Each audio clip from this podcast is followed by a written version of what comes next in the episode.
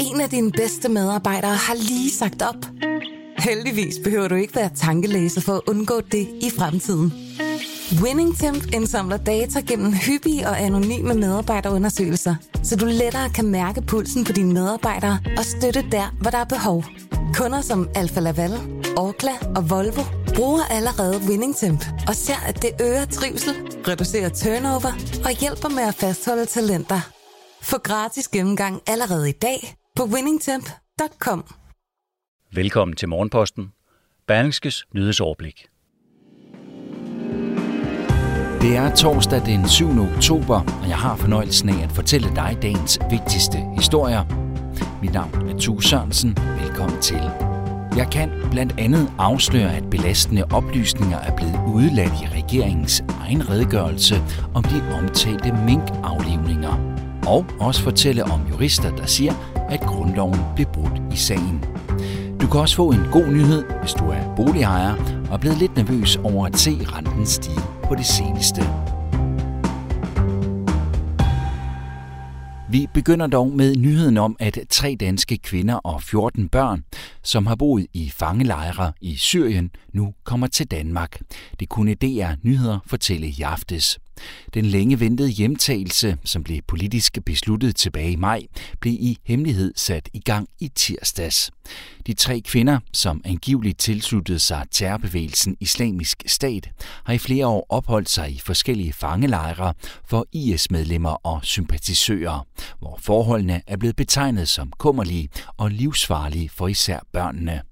Børnene og deres mødre forventes at lande i Danmark i løbet af torsdagen.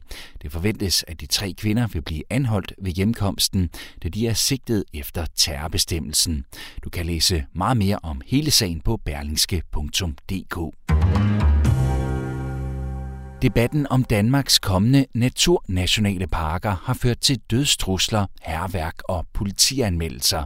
Det kan Berlingske fortælle i dag. Ifølge direktør på Naturhistorisk Museum i Aarhus, Bo Skorup, har en hest med et sår, efter at den har båret et GPS-halsbånd, startet en hets.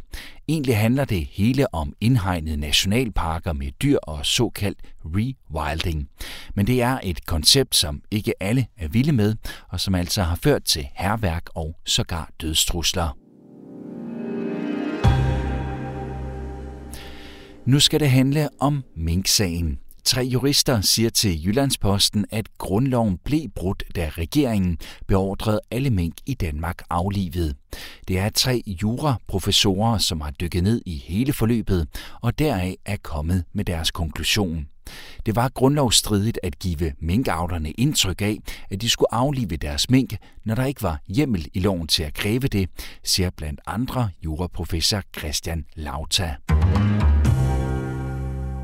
Vi bliver ved Mink-sagen, for i dag begynder de første afhøringer i mink kommissionen. Og mens konklusionen fra regeringstoppen var klar, nemlig at man ikke vidste, at der ikke var et lovligt grundlag for at aflive alle mink i Danmark, da den kom med sin egen redegørelse om beslutningen, så kan Berlingske nu fortælle, at redegørelsen er hullet.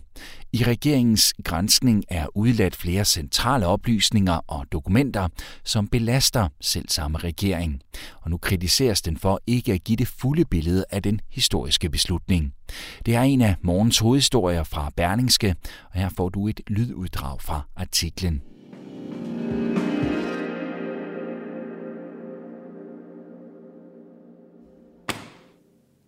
Konklusionen fra regeringstoppen var klar, da regeringens egen redegørelse om håndtering af Mink-sagen blev offentliggjort 18. november sidste år.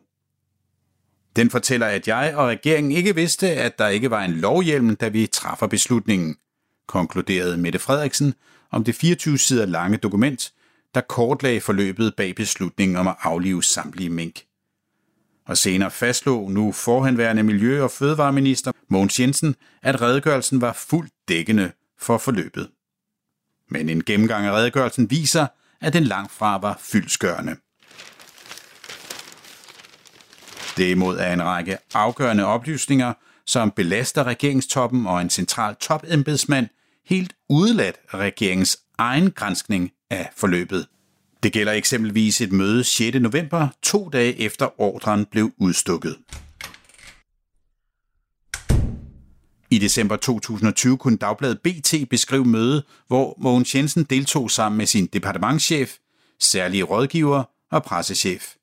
På det tidspunkt var departementschef Henrik Studskov allerede orienteret om, at der ikke var lovhjelm til beslutningen om aflivning af alle mink. Et punkt på dagsordenen hed kompensationssporet.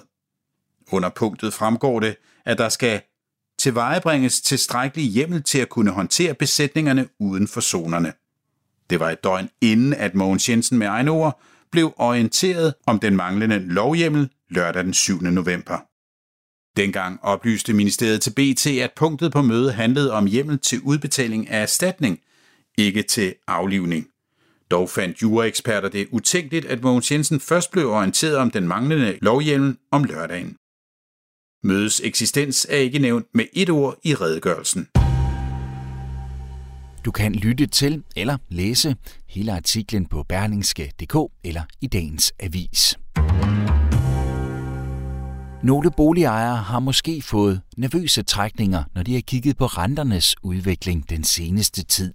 Frygten for stigende inflation har nemlig presset renterne i vejret. Men til mediet Finans lover Nationalbankdirektøren nu, at de lave renter vender tilbage, når vi er helt ude af den krise, som coronapandemien har skabt. Der kan dog godt gå et par år, hvor renterne vil være højere, lyder det. Vi er slet ikke ude af pandemien endnu i økonomisk forstand, men så snart de økonomiske effekter af den æbber ud, vil renterne falde igen, siger Nationalbankdirektør Per Kallesen. Det burde egentlig ikke være muligt at stifte et iværksætterselskab i Danmark for en krone længere. Men så alligevel. For en finte gør det faktisk stadig muligt, skriver børsen. I et lille hjørne af kongeriget, nemlig Grønland, kan man stifte et IVS, altså et iværksætterselskab, for det her beskedne beløb. Selskabsformen blev nedlagt i Danmark, fordi den blev mistænkt for at blive misbrugt til svindel. Men ifølge eksperter kan en dansk iværksætter godt stifte et grønlandsk iværksætterselskab på de i Danmark tidligere vilkår, og endda få det registreret via Erhvervsstyrelsen herhjemme. Vi slutter nyhedsoversigten i Tyrkiet, eller faktisk i Dubai. For her gemmer en tyrkisk mafiaboss sig nemlig. Sedat Peker, som han hedder, er dømt for flere forbrydelser, men agerede i flere måneder politisk whistleblower, da han i flere videoer på YouTube anklagede tyrkiske topminister og deres børn for alt fra narkosmugling til voldtægt og mord efter at styret i Dubai pressede ham til en pause i anklagevideoerne, så er der nu nye på vej, skriver Berlingske. Og på berlingske.dk kan du læse mere om, hvad det handler om.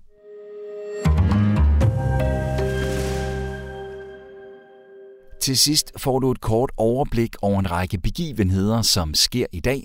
Hvis du er til politisk debat i maratonlængde, så skal du følge med i Folketingets åbningsdebat, som afholdes i dag. Her skal politikerne debattere statsministerens åbningstale fra i tirsdags, og debatten har for vane at vare til langt ud på natten. Så fortsætter rigsretssagen mod Inger Støjberg, når afdelingschefen i Støjbergs gamle ministerium, Udlænding- og Integrationsministeriet, afhøres. Og så er der, som jeg fortalte tidligere, også de første afhøringer i Mink-kommissionen, som altså skal afdække beslutningen om at aflive mink under coronapandemien. Det var alt for Morgenposten, Berlingskes nyhedsoverblik, redigeret og indtalt af Tue Sørensen. Tak for at lytte med.